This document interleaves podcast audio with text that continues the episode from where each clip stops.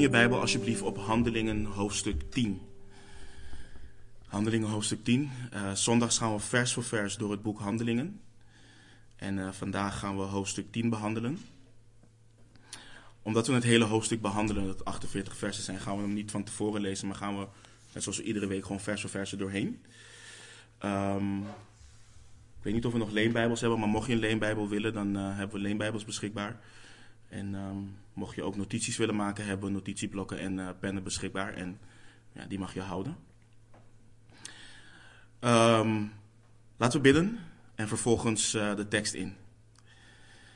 Hemelse Vader, we zijn u zo dankbaar, Heer, voor uw woord, Heer. We zijn u dankbaar dat u, dat u zoveel gedaan heeft, Heer, om uzelf kenbaar te maken, om uw hart kenbaar te maken en um, om, u, om ons uw woord te geven opdat we daar veranderd uh, door kunnen worden.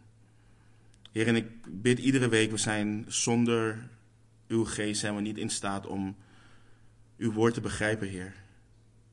En we hebben verlichte ogen van ons verstand nodig. Dus ik bid u ook, um, open onze ogen, open ons verstand, ons hart. Heer, opdat we kunnen begrijpen wat u vanochtend tot ons wilt spreken. Doe alstublieft een bovennatuurlijk werk. Bid ik in uh, Jezus' naam. Amen. Um, we hebben vorige week hebben we gekeken um, en hebben gezien dat nadat er vrede in de gemeente in heel Judea, Galilea en Samaria was, dat Petrus besloot om rond te gaan reizen en de heiligen die verspreid waren te gaan bezoeken. En Petrus kwam aan, kwam aan in Lida en daar trof, uh, daar trof hij een man genaamd Eneas aan. En Eneas lag al acht jaar verlamd op zijn bed. En in alle eenvoud zei Petrus tegen hem: Eneas, Jezus Christus maakt u gezond. Sta op en maak voor uzelf uw bed op. En het resultaat van dit teken, van dit wonder, was dat allen die in Lida en Sarona woonden, um, Eneas zagen en zich bekeerden tot de Heer. Dat was, het, dat, dat was gewoon een machtig werk wat gebeurde. En men erkende ook dat dat echt van God kwam. En het resultaat um, uh, en een paar kilometer verderop, in Joppe, maakten we kennis met een discipelin genaamd Dorcas.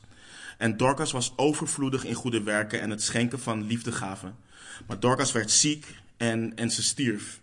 En de discipelen hoorden dat Petrus in Lida was en stuurden twee mannen naar hem toe om met hem mee te, of met, om met hem mee te komen naar Joppe.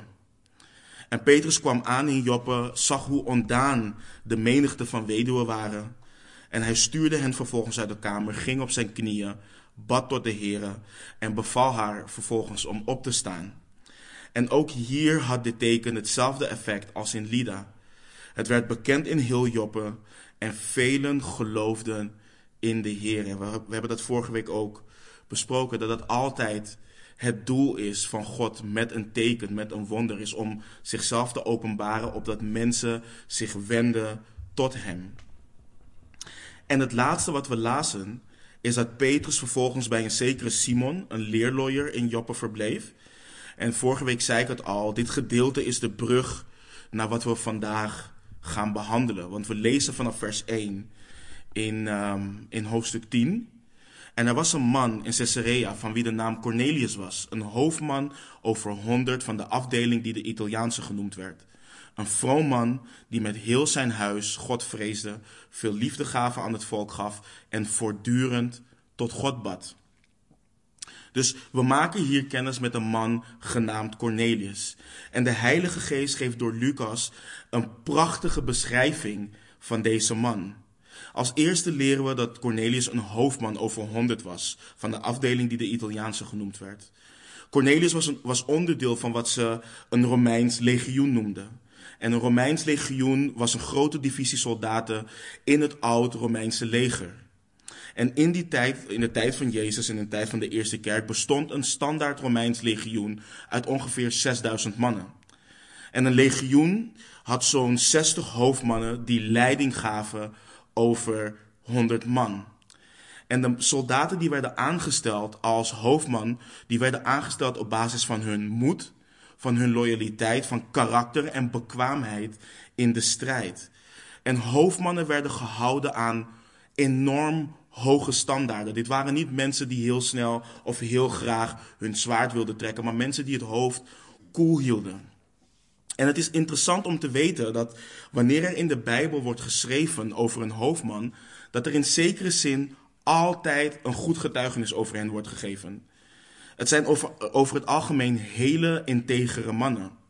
En dat lezen we dus ook over Cornelius. En als je kijkt bijvoorbeeld in vers 22 van dit hoofdstuk, lezen we over Cornelius dat heel het volk van de Joden een goed getuigenis over hem gaf. En dat is heel bijzonder, want het Romeinse leger, het, het, Romeinse Rijk, dat onderdrukte het Joodse volk. En toch geven de Joden een goed getuigenis van deze heidense man. En we lezen dat Cornelius ook een vroom man was. Hij aanbad God. Hij vreesde God. En niet zomaar een God. Hij aanbad de God van Israël. De God van de Joden. En hier heb je een Romeinse soldaat die de God van Israël aanbidt. En niet alleen dat, hij vond het niet genoeg dat alleen hij de God van Israël aanbad. We lezen dat hij met heel zijn huis God vreesde. Hij voedde zijn kinderen waarschijnlijk ook op in de vrezen des Heren. Hij leidde zijn gezin in de weg van God. En we zien ook dat hij voortdurend tot God bad. Hij zocht het aangezicht van God. Hij wilde leiding nemen. Hij wilde leiding van God en was afhankelijk van God. En in vers 34 zien we dat hij niet alleen bad, maar hij vastte ook. Cornelius was toegewijd aan God. Hij was toegewijd in het navolgen en zoeken van God. En overigens lezen we ook dat hij veel liefdegaven aan het volk gaf. Hij was vrijgevig. Het is echt een prachtig getuigenis wat we, wat we hier lezen. En Cornelius is niet alleen wat de wereld een religieus man zou noemen. Hij is ook wat de wereld een, een goed man zou noemen. Iemand die veel goed deed voor de wereld.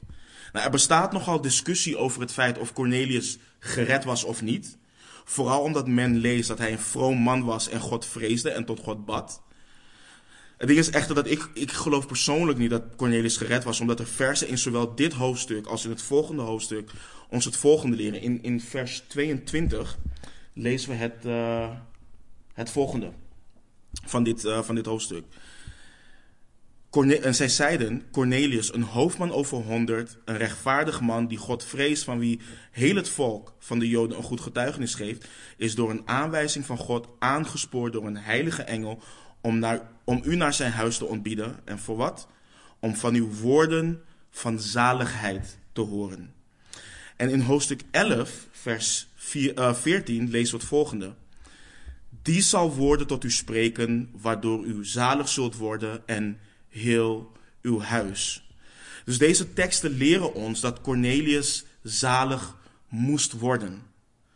Dus op basis hiervan geloof ik dat ook al was Cornelius een vroom man en vreesde hij God, hij nog niet wedergeboren was.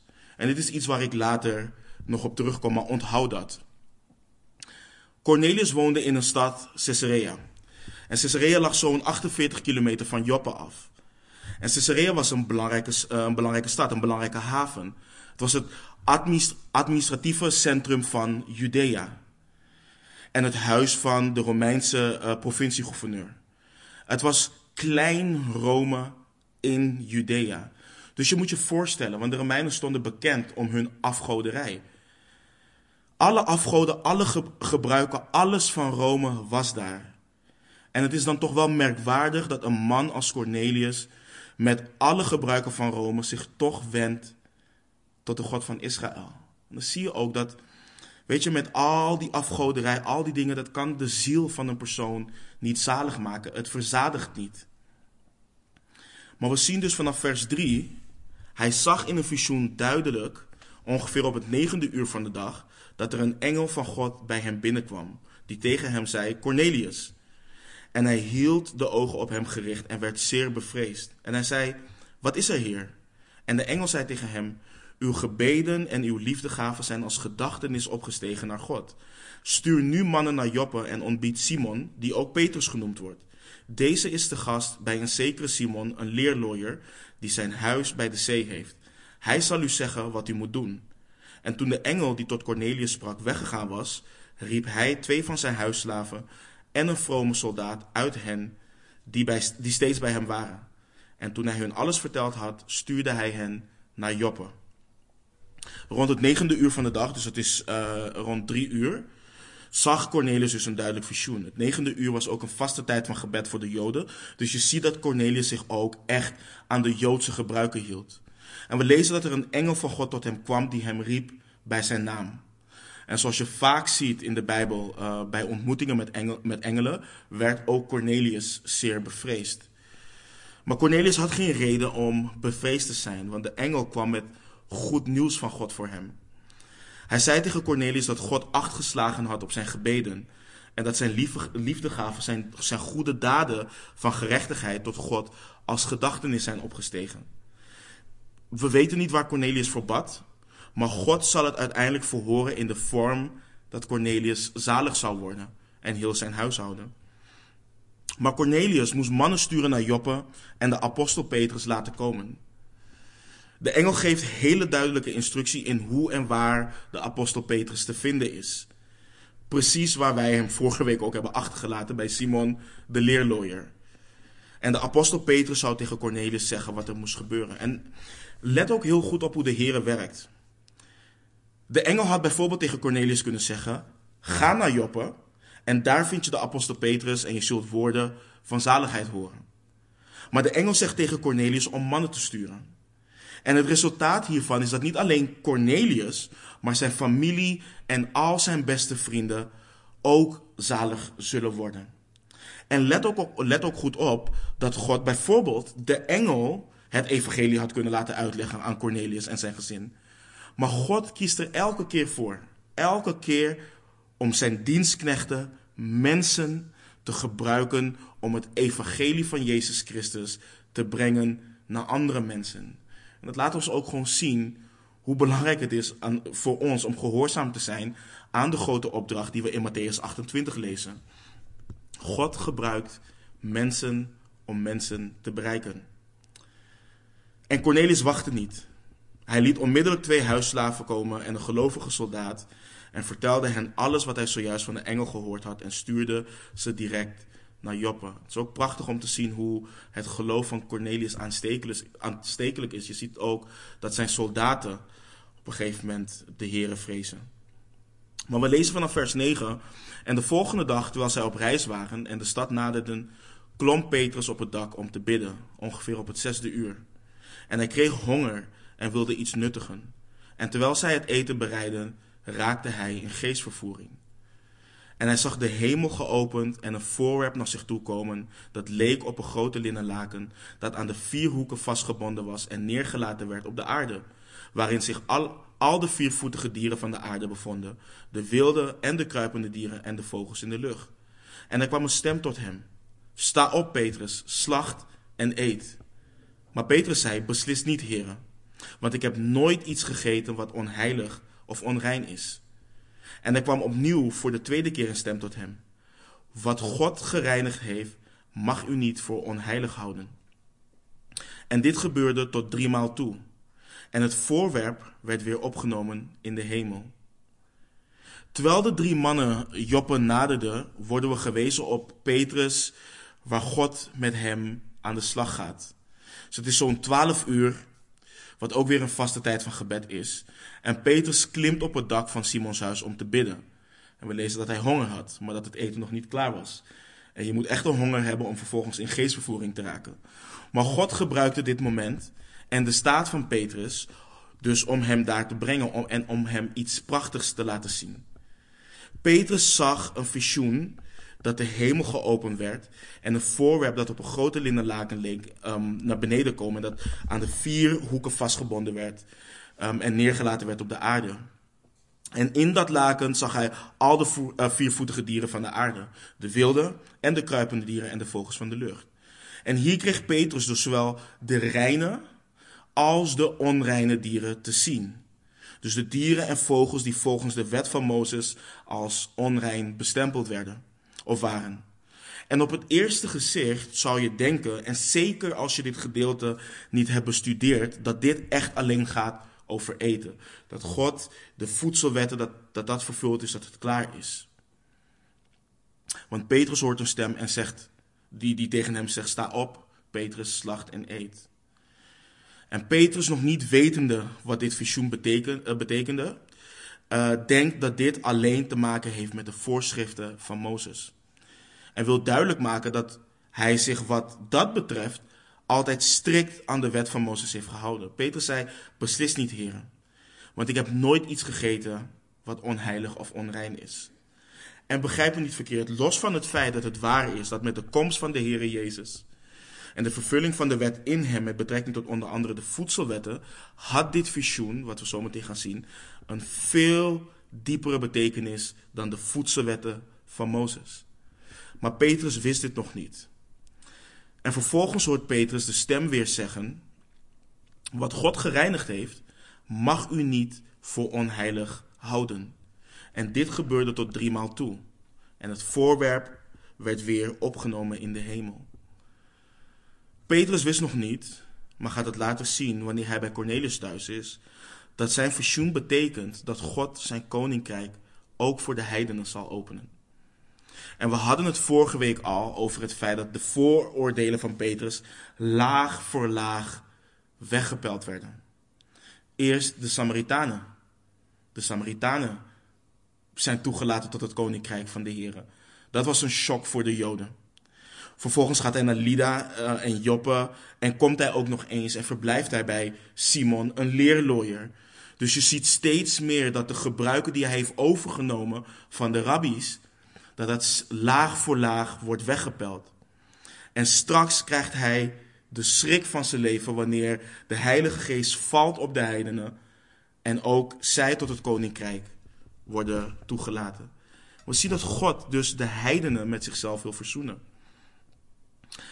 Dat de Samaritanen zalig zijn geworden, kon Petrus enigszins nog begrijpen. Dat waren halfbloedjes, dat waren halfjoden. Maar de Heer heeft ook getuigd richting, de, want de Heer Jezus heeft ook getuigd richting de Samaritanen. En de Heer had nog gezegd dat zij zijn getuigen zouden zijn in heel Samaria en tot aan het uiterste, uiterste van de aarde. Maar wellicht hadden de apostelen gedacht dat ze naar de Joden verspreid over heel de wereld zouden gaan. Maar niets is minder waar.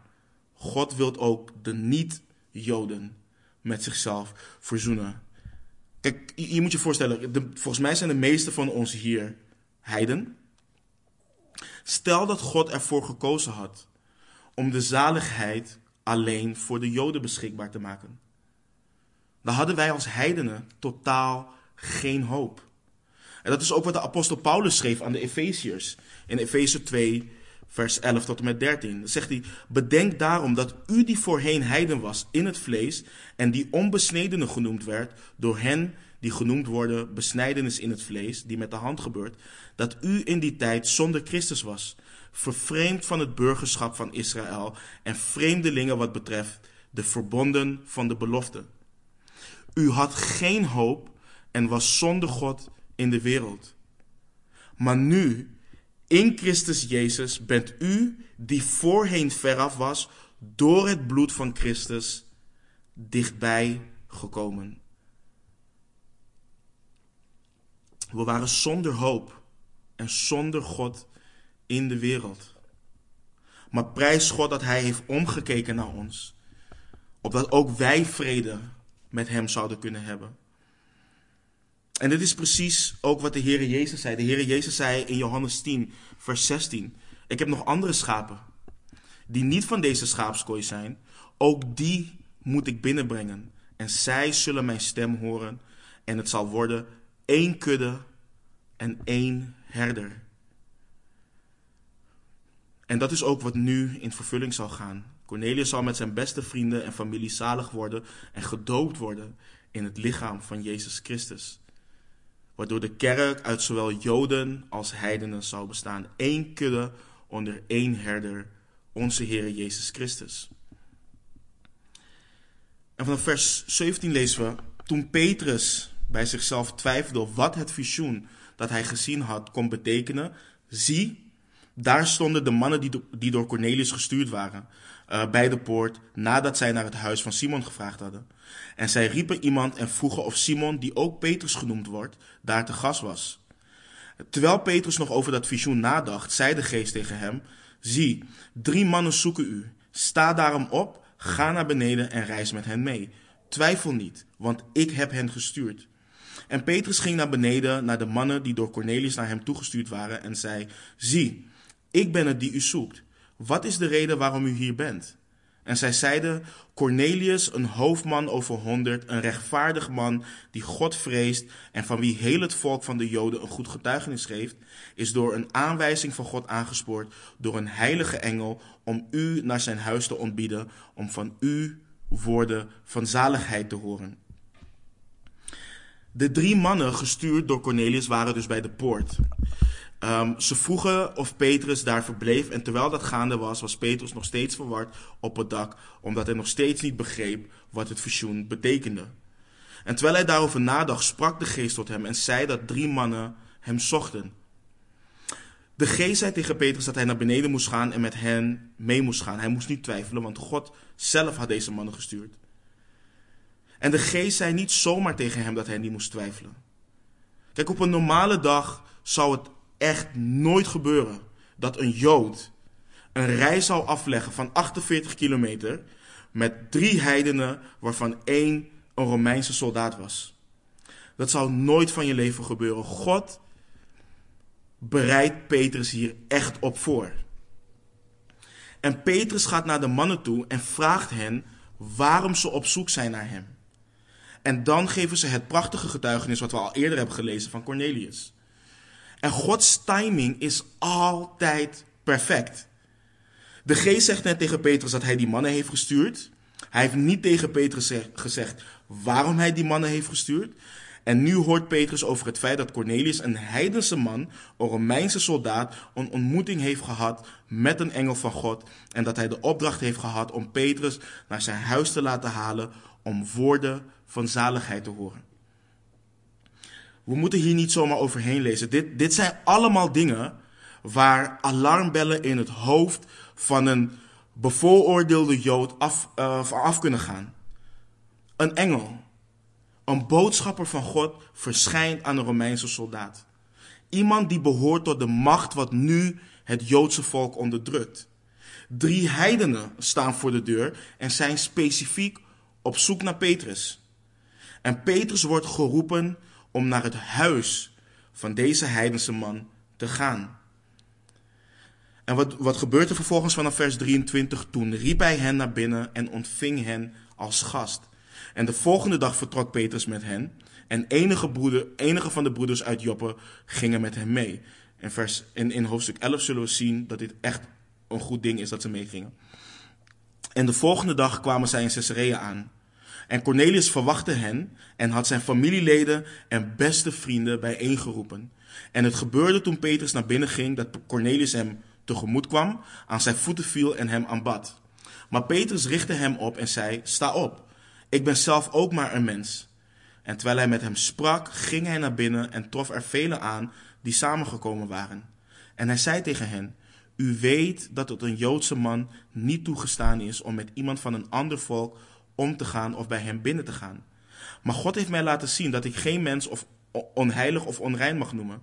Daarom ben ik ook zonder tegenspreken gekomen toen ik ontboden werd. Dus vraag ik om welke reden u mij hebt ontboden. Dus je ziet hier steeds meer hoe Petrus zijn vooroordeel laat vallen. Hij ontvangt drie heidenen als gast. Dat is al niet niks. En de volgende dag staat hij uh, vervolgens op in gehoorzaamheid en gaat hij samen, met wat broeders naar Caesarea. En wanneer ze daar aangekomen uh, zijn, zien we dat Cornelius niet alleen op hem wachtte, maar zijn familieleden en al zijn beste vrienden had hij geroepen. Je wat ik zo bijzonder vind aan Cornelius? Cornelius wist niet wat hij van God zou horen. Hij wist dat het woorden van zaligheid zouden zijn, maar hij wist niet precies wat dat inhield. Maar hij achtte het zo belangrijk dat wanneer God een boodschap had, hij het niet alleen tot zich wilde nemen. Hij zag in dat als God spreekt, het van belang is voor ieder mens waarvan hij, dus Cornelius als persoon in ieder geval, van houdt. Hij verzamelde iedereen.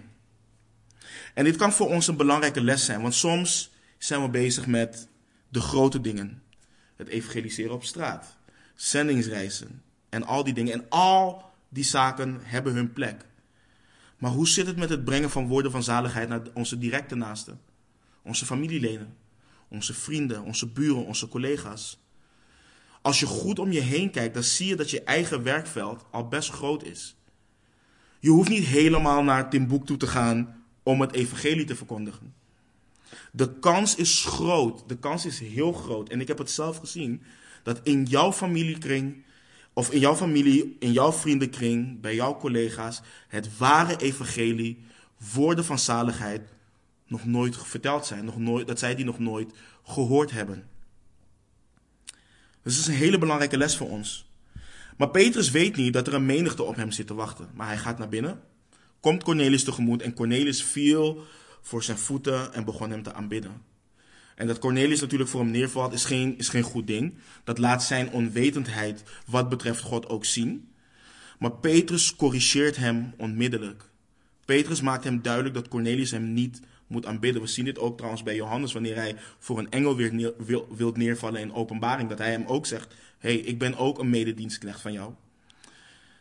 En ik bid oprecht, oprecht dat, dit, dat deze nederigheid de opzieners, de voorgangers, de oudsten vandaag de dag in onze kerk mag kenmerken. Petrus kent zijn plek. Hij weet dat hij niemand is. Hij weet dat hij simpelweg een dienaar van Jezus Christus is. En het doet me ook denken aan de nederige houding van Johannes de Doper. Bijvoorbeeld in Johannes 3 lezen we een verslag van hoe discipelen van Johannes de Doper in paniek naar hem toe komen en zeggen dat allen naar Jezus toe gaan. En Johannes zegt dan in Johannes 3 vanaf vers 27: Een mens kan niets aannemen als het hem niet uit de hemel gegeven is. U bent zelf mijn getuige dat ik gezegd heb: Ik ben de Christus niet, maar ik ben voor hem, uit, voor hem heen uitgezonden. Wie de bruid heeft, is de bruidegom. Maar de vriend van de bruidegom, die erbij staat en, en hem hoort, verblijdt zich zeer over de, stam, over de stem van de bruidegom. Deze blijdschap van mij nu is volkomen geworden. Hij moet meer worden, maar ik minder. En tegenwoordig zie je in kerken voorgangers, oudsten en aanbiddingsleiders steeds meer worden en Christus in de kerk steeds minder worden. En men vergeet dat het Jezus is die hoofd van de kerk is. Dat zij verantwoording aan Hem verschuldigd zijn in plaats van de schapen van Christus. En in plaats van de schapen van Christus op Christus wijzen, maken ze de gemeenteleden afhankelijk van hen. En we moeten altijd beseffen hoe groot het werk ook is en hoe machtig God een persoon ook heeft gebruikt. Het is en blijft een mens en alle eer, alle glorie komt alleen aan God toe. En je ziet dit prachtig aan de apostel Petrus. Petrus die eerst impulsief en hoogmoedig was. Hij had kunnen zeggen, de grote apostel Petrus is hier. Of hij had kunnen denken, kijk hoe deze lage heiden aan mijn voeten neervalt. Maar nee, hij is veranderd. Veranderd door Jezus Christus. En hij zegt, ik ben ook maar een mens. En daarop kunnen we ook onze oudste, onze opzieners, kunnen we toetsen. toetsen. Hebben ze het hart van Christus? Wijzen ze mensen op Jezus Christus? Dat is de taak van iedere opziener. Geen enkele opziener heeft een andere bediening dan mensen op Jezus Christus wijzen. En Petrus ziet een menigte zitten en vervolgens zegt hij: U weet dat het een Joodse man niet toegestaan is om met iemand van een ander volk om te gaan of bij hem binnen te gaan. Maar God heeft mij laten zien dat ik geen mens onheilig of onrein mag noemen. Daarom ben ik ook zonder tegenspreken gekomen toen ik ontboden werd. Dus vraag ik om welke reden u mij hebt ontboden. Je ziet hier, heel prachtig, wat er kan gebeuren wanneer men een eigen betekenis aan de schrift geeft. God had duidelijk gezegd om geen verbonden met andere volken te sluiten. Het volk moest geen verbonden met andere volken sluiten en met een specifieke reden, opdat ze niet hun afgoden zouden gaan aanbidden. Dat is de opdracht die Israël heeft gehad. Maar het is wel altijd de bedoeling geweest dat God kenbaar gemaakt zou worden door het volk Israël voor de verheerlijking van zijn naam. Maar je ziet dat ze aan de haal met die geboden zijn gegaan en dat ze op zich op een gegeven moment zijn gaan distancieren van alle volken. Maar hier lezen we dat Petrus aan de hand van wat er nu gaande is, het verzoen heeft geïnterpreteerd. Hij zag nu in dat het niet direct met eten te maken had, maar dat God hem duidelijk heeft gemaakt ehm, dat Petrus geen enkel mens onheilig of onrein mag noemen.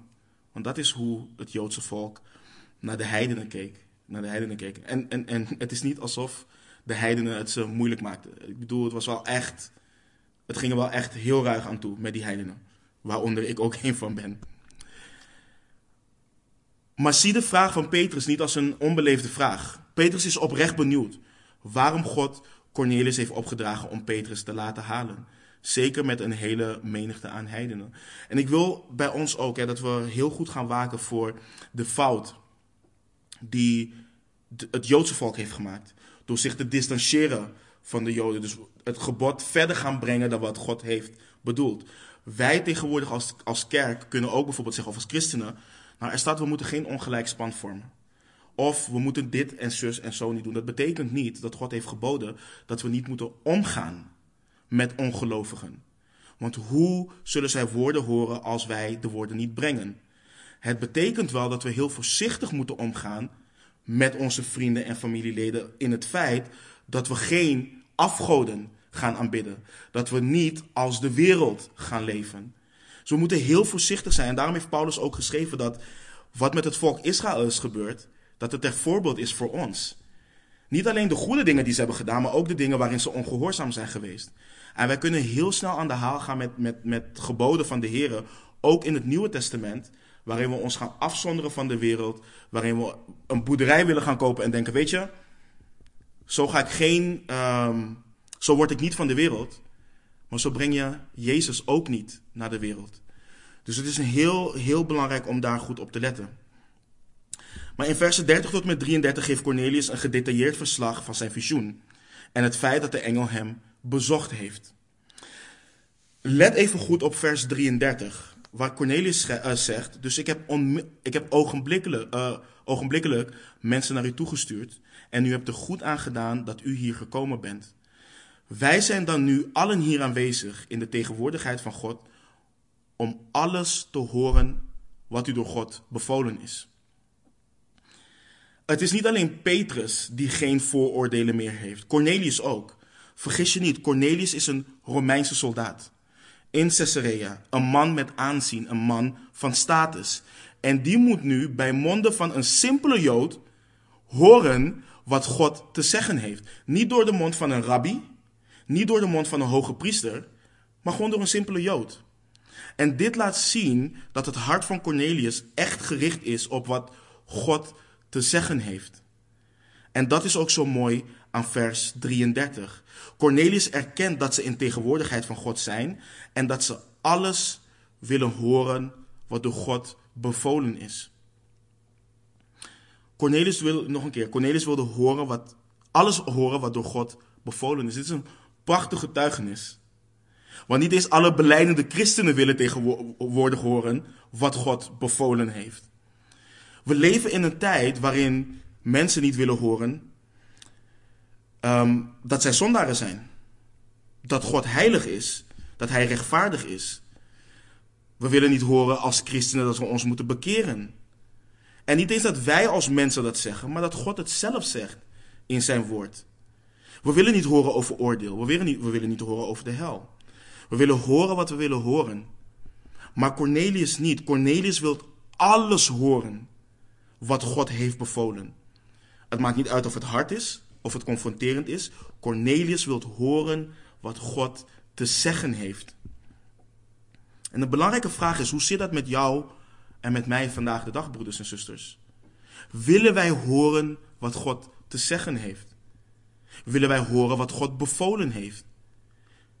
Willen we alles horen wat God bevolen heeft? Hoe ongemakkelijk ook, hoe confronterend ook.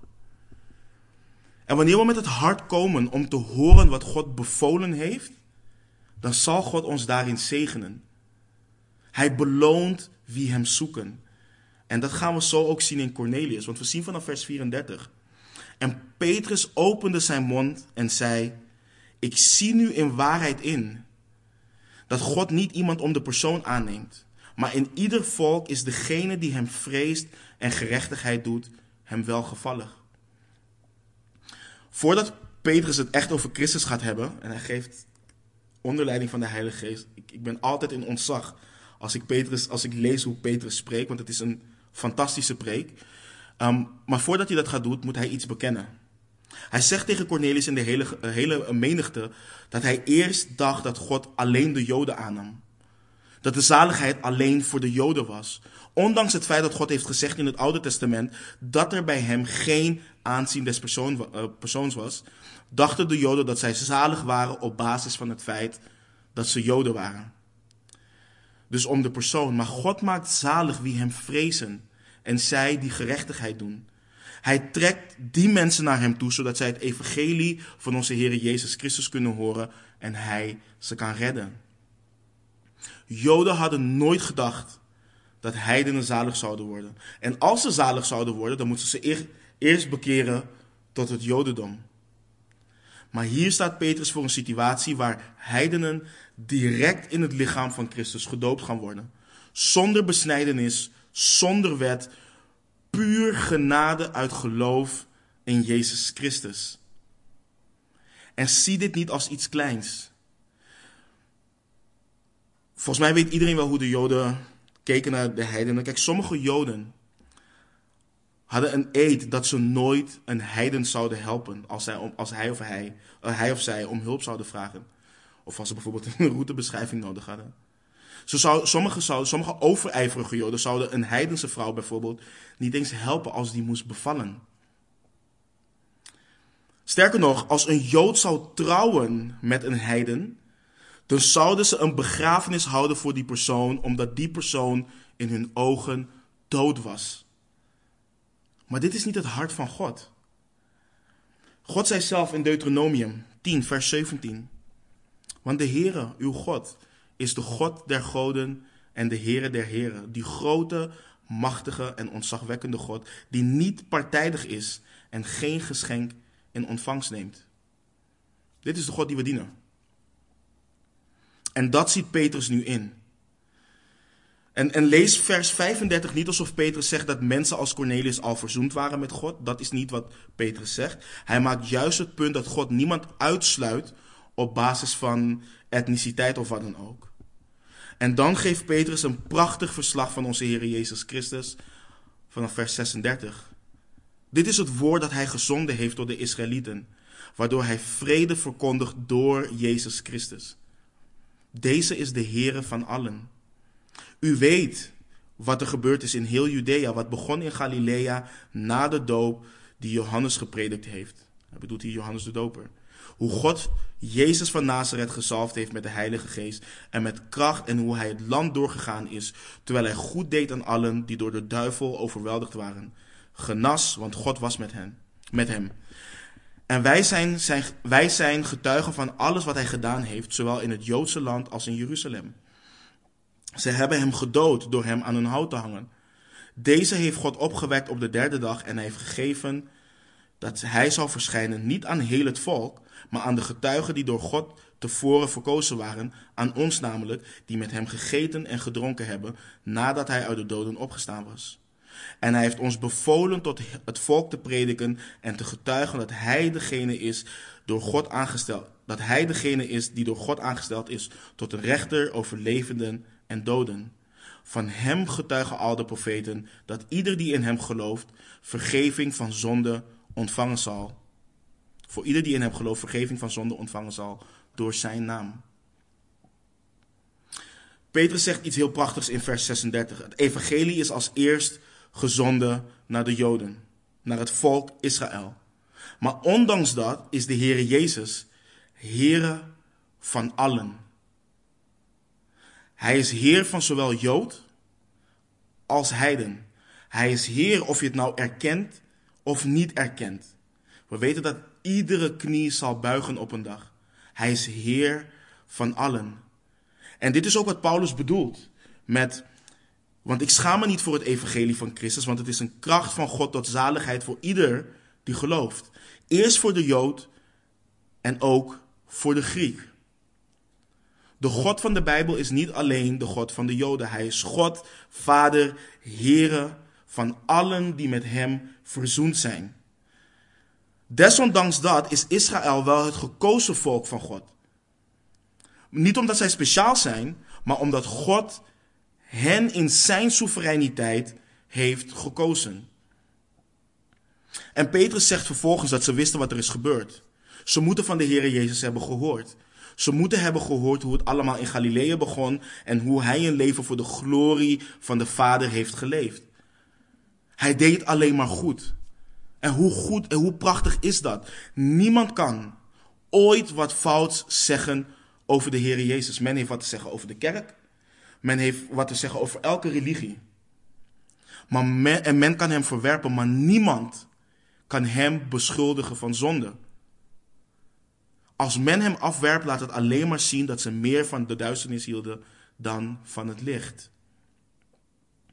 En Jezus, gezalfd met de geest, bevrijdde hen die bezeten waren. Hij genas hen. En van hem waren de apostelen getuigen. Ze waren getuigen van alles wat hij heeft gedaan. En ze hebben met hem gewandeld. Ze hebben al zijn onderwijs gehoord. Ze waren ooggetuigen. En vervolgens getuigt Petrus hoe ze de Heer Jezus hebben genageld aan het hout, aan het kruis. Maar hij is niet in het graf gebleven. God heeft hem op de derde dag opgewekt. Petrus geeft hier hetzelfde verslag van wat Paulus geeft in 1 Korinthe 15 als het uh, evangelie van Jezus Christus. En, dit, en, en ik heb het vaker gezegd, maar dit is heel belangrijk. Dit is het evangelie van Jezus Christus. Dit is wat wij moeten verkondigen. Niet ik bid voor je. Dat is mooi, het is een mooi gebaar. En we moeten ook bidden voor mensen. Maar als we praten over het verkondigen van Jezus Christus, dan moeten we kijken naar wat er in de schrift staat. En dit is hoe ze Jezus Christus verkondigen. En dan zegt Petrus um, dat zij bevolen zijn om tot het volk te prediken en te getuigen dat hij, Jezus Christus, degene is die door God aangesteld is tot een rechter over levenden en doden. Dit hoort ook bij het evangelie.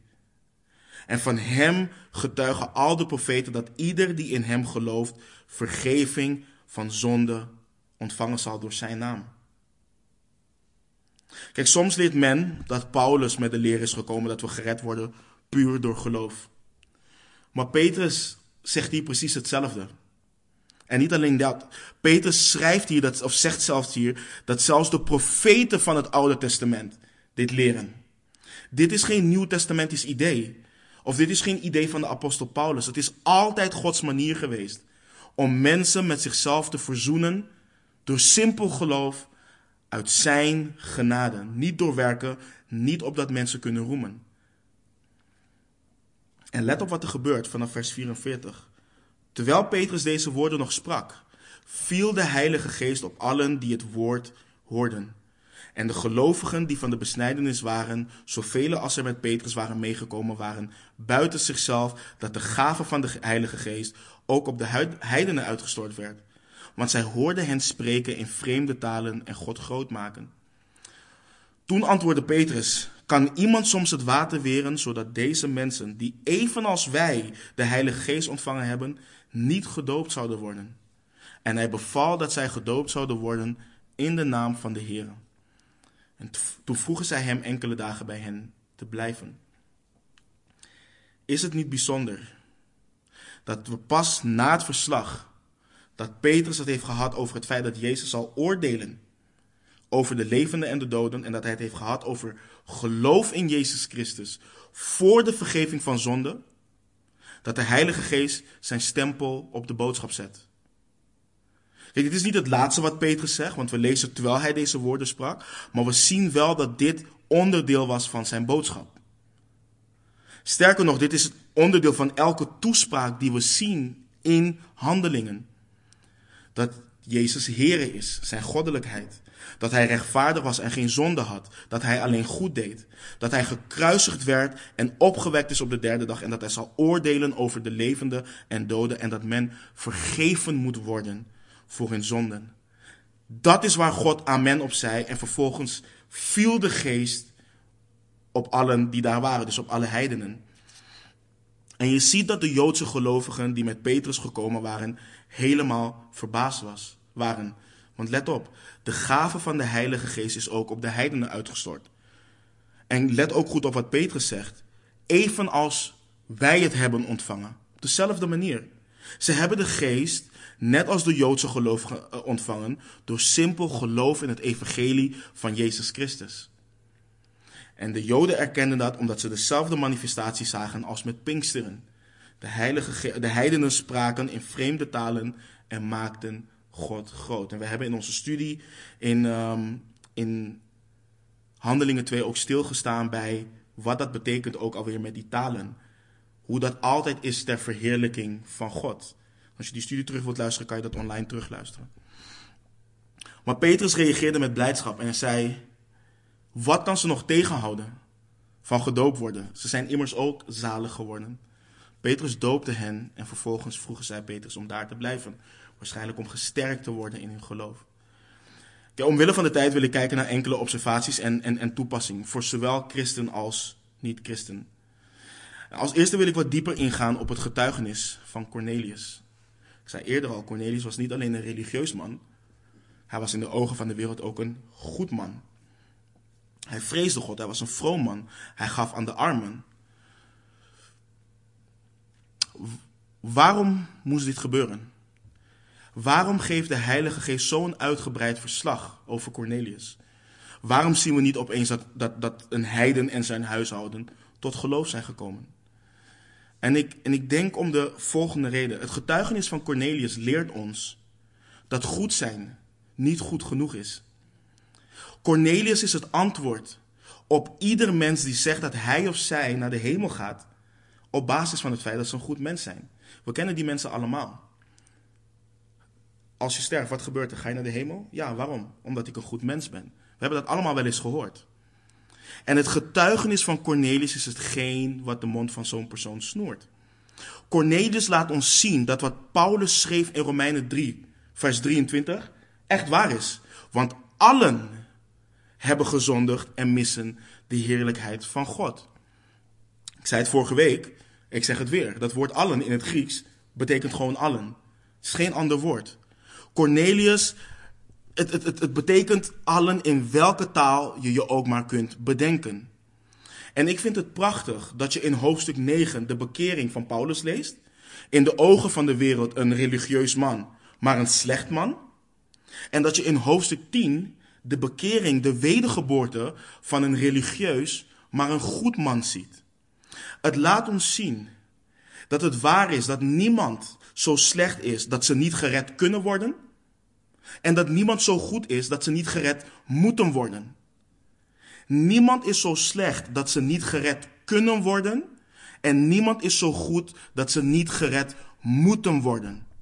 En Cornelius laat ons zien dat de mens in haar gevallen staat zo hoogmoedig is en niet wilt inzien dat ze een redder nodig hebben. Want we zien in Paulus en in Cornelius dat hun religie hun niet kon redden. Of ze nou goed of of ze nou slecht waren. En wat voor hoop is er dan voor de atheïst? Wat voor hoop is er dan voor de agnost? En die hoop is Jezus Christus. Jezus Christus die Heer is van allen. Jezus Christus die hier heeft gewandeld, gezalfd met de Heilige Geest, gestorven is aan het kruis en opgewekt is door de Vader uit de dood op de derde dag. Hij is de hoop van ieder mens. Hij is de vrede voor ieder mens. En dat is wat ieder mens nodig heeft. Vrede met God. Want let goed op wat er staat in vers 36. Let goed op wat Petrus zei. Dit is het woord dat hij gezonden heeft door de Israëlieten, waardoor hij vrede verkondigt door Jezus Christus. Deze is de Heer van allen. God verkondigt vrede aan de mensen door Jezus Christus. En de vraag is dan, waarom zegt Petrus dit? Waarom verkondigt God vrede? En het antwoord is omdat, men, omdat wanneer mensen afgesneden van God zijn, ze vijanden van God zijn. Paulus, Paulus schrijft dit ook in Romeinen 5, vers 10. Want als wij, toen wij vijanden waren, met God verzoend zijn door de dood van zijn zoon, hoeveel te meer zullen wij, nu wij verzoend zijn, behouden worden door zijn leven? Ieder mens is een vijand van God totdat hij of zij vergeving van zonde ontvangt in de naam van onze Heer Jezus Christus. En hoe mooi is dat? Hoe prachtig is dat? Hoe hoopvol is die boodschap? Want net zoals Petrus en de Joden moesten leren dat wie zij waren qua nationaliteit en de wet van Mozes hen niet kon redden, mag ieder persoon leren dat er niets is wat hun tegenhoudt van zalig worden door geloof in Jezus Christus. Je afkomst niet, je verleden niet en je, je, je, je geslacht niet. Het enige wat ieder mens afhoudt van het naderen tot Jezus Christus is de hoogmoed waardoor men niet wilt inzien dat ze vergeving van zonde nodig hebben. Het is het feit dat men niet inziet en wilt erkennen dat Jezus Christus op een dag zal oordelen over de levenden en de doden. En men hoeft alleen te kijken. Alleen te kijken naar de glorieuze Christus. Men hoeft alleen te kijken naar zijn goedheid.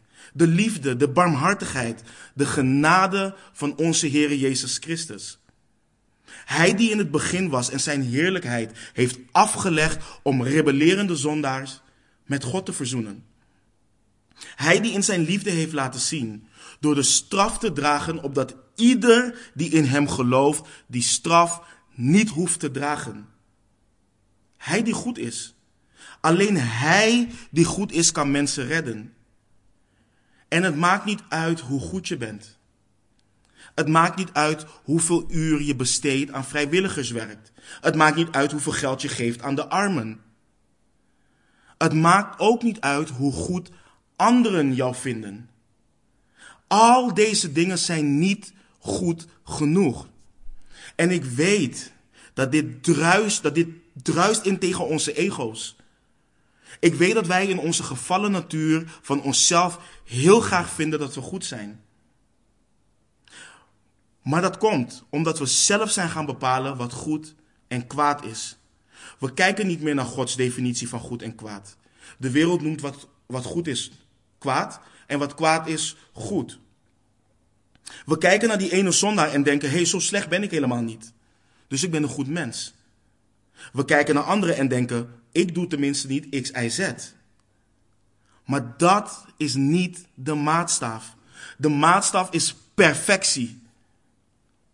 En wat is die perfectie? Jezus Christus. Kijk wat de Bijbel van hem zegt. Petrus die schrijft: Hij die geen zonde gedaan heeft en in wiens mond geen bedrog gevonden is. 1 Petrus 2:22. Kijk wat er in Jesaja staat. Men heeft zijn graf bij de goddeloze gesteld. En hij is bij de rijken in zijn dood geweest, omdat hij geen onrecht gedaan heeft en geen bedrog in zijn mond geweest is. Kijk wat Johannes schrijft in 1 Johannes 3, vers 5. En u weet dat hij geopenbaard is om onze zonde weg te nemen. En zonde is er in hem niet. Kijk wat Paulus schrijft. Want hem die geen zonde gekend heeft, heeft Hij voor ons tot zonde gemaakt, opdat wij zouden worden gerechtigheid van God in Hem.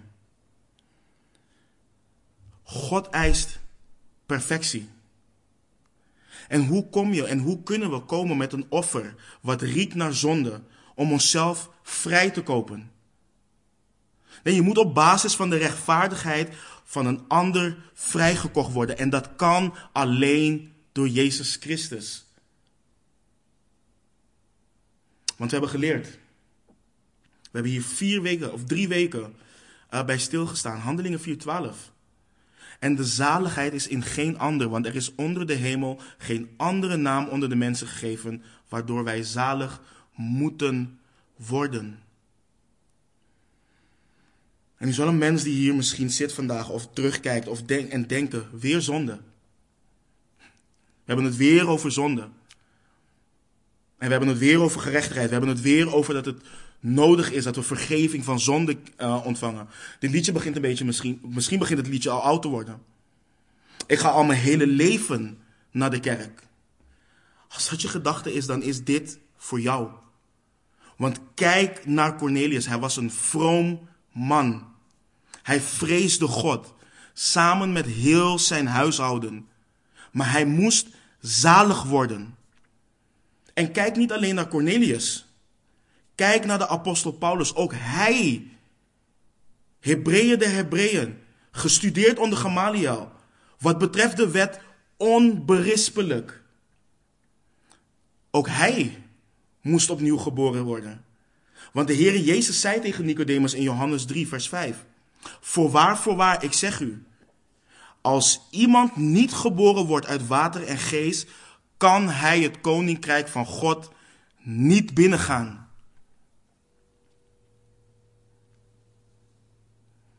En ieder mens moet zichzelf afvragen: ben ik wedergeboren? Getuigt de geest van God met mijn geest dat ik een kind van God ben? Je kunt niet vertrouwen en je kunt je niet beroepen op je doop. Je kunt je niet beroepen op het feit dat je iedere week naar de kerk gaat.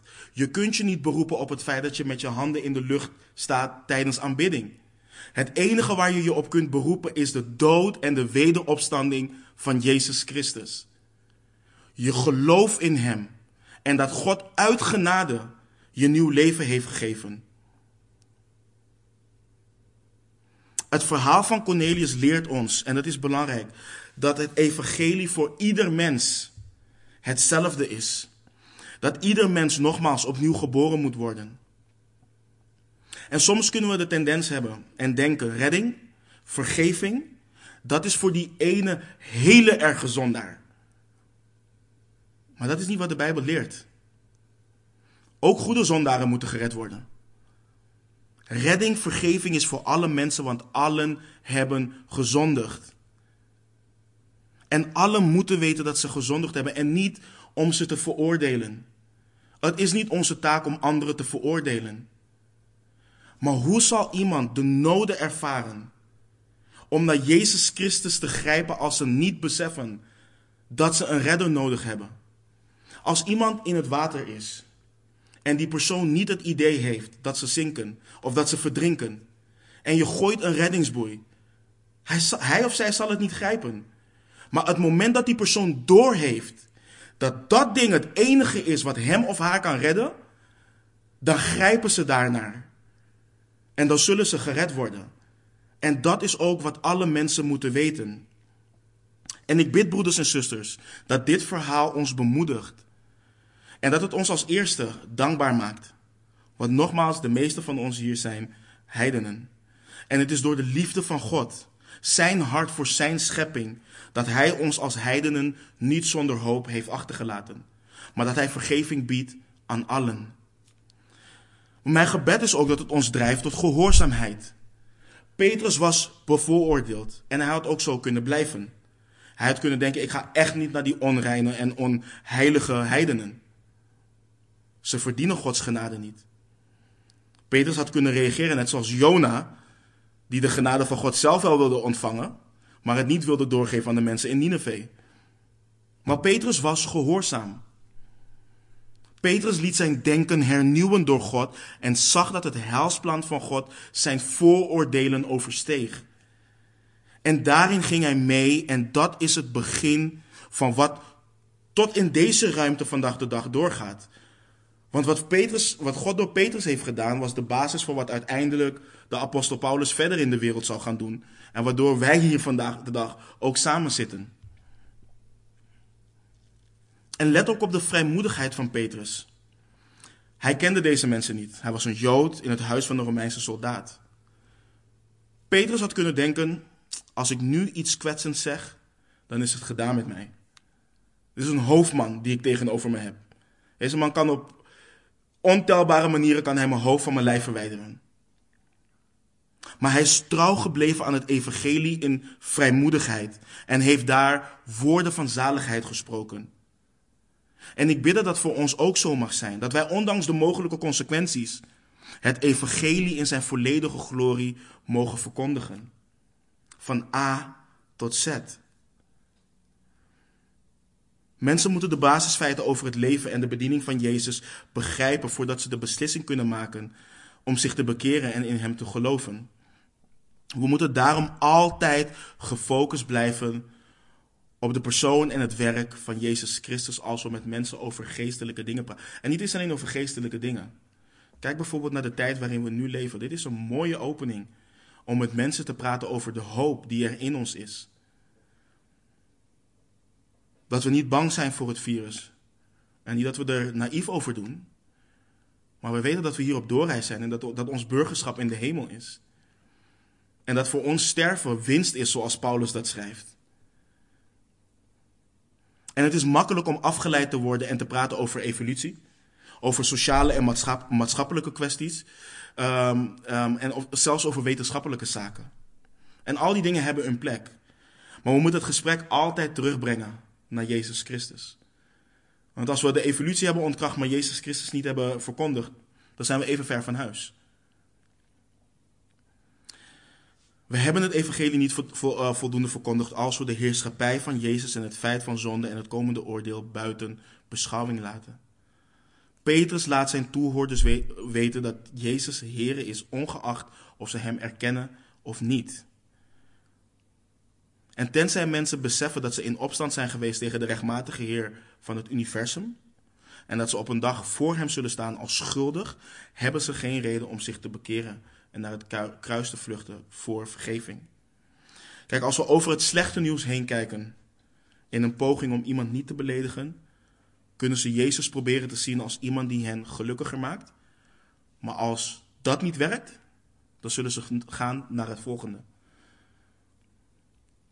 En let op de reactie, en dit is een hele belangrijke reactie voor ons en een hele belangrijke observatie. Let op de reactie van Cornelius. Hij nam het woord van God aan. Hij geloofde.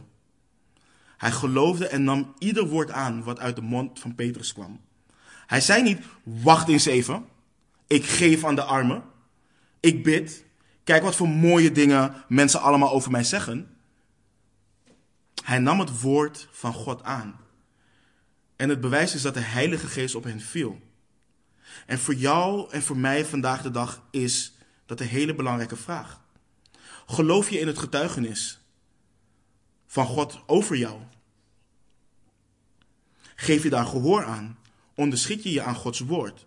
Of is je antwoord inderdaad, maar ik ga naar de kerk, maar ik bid, maar ik lees?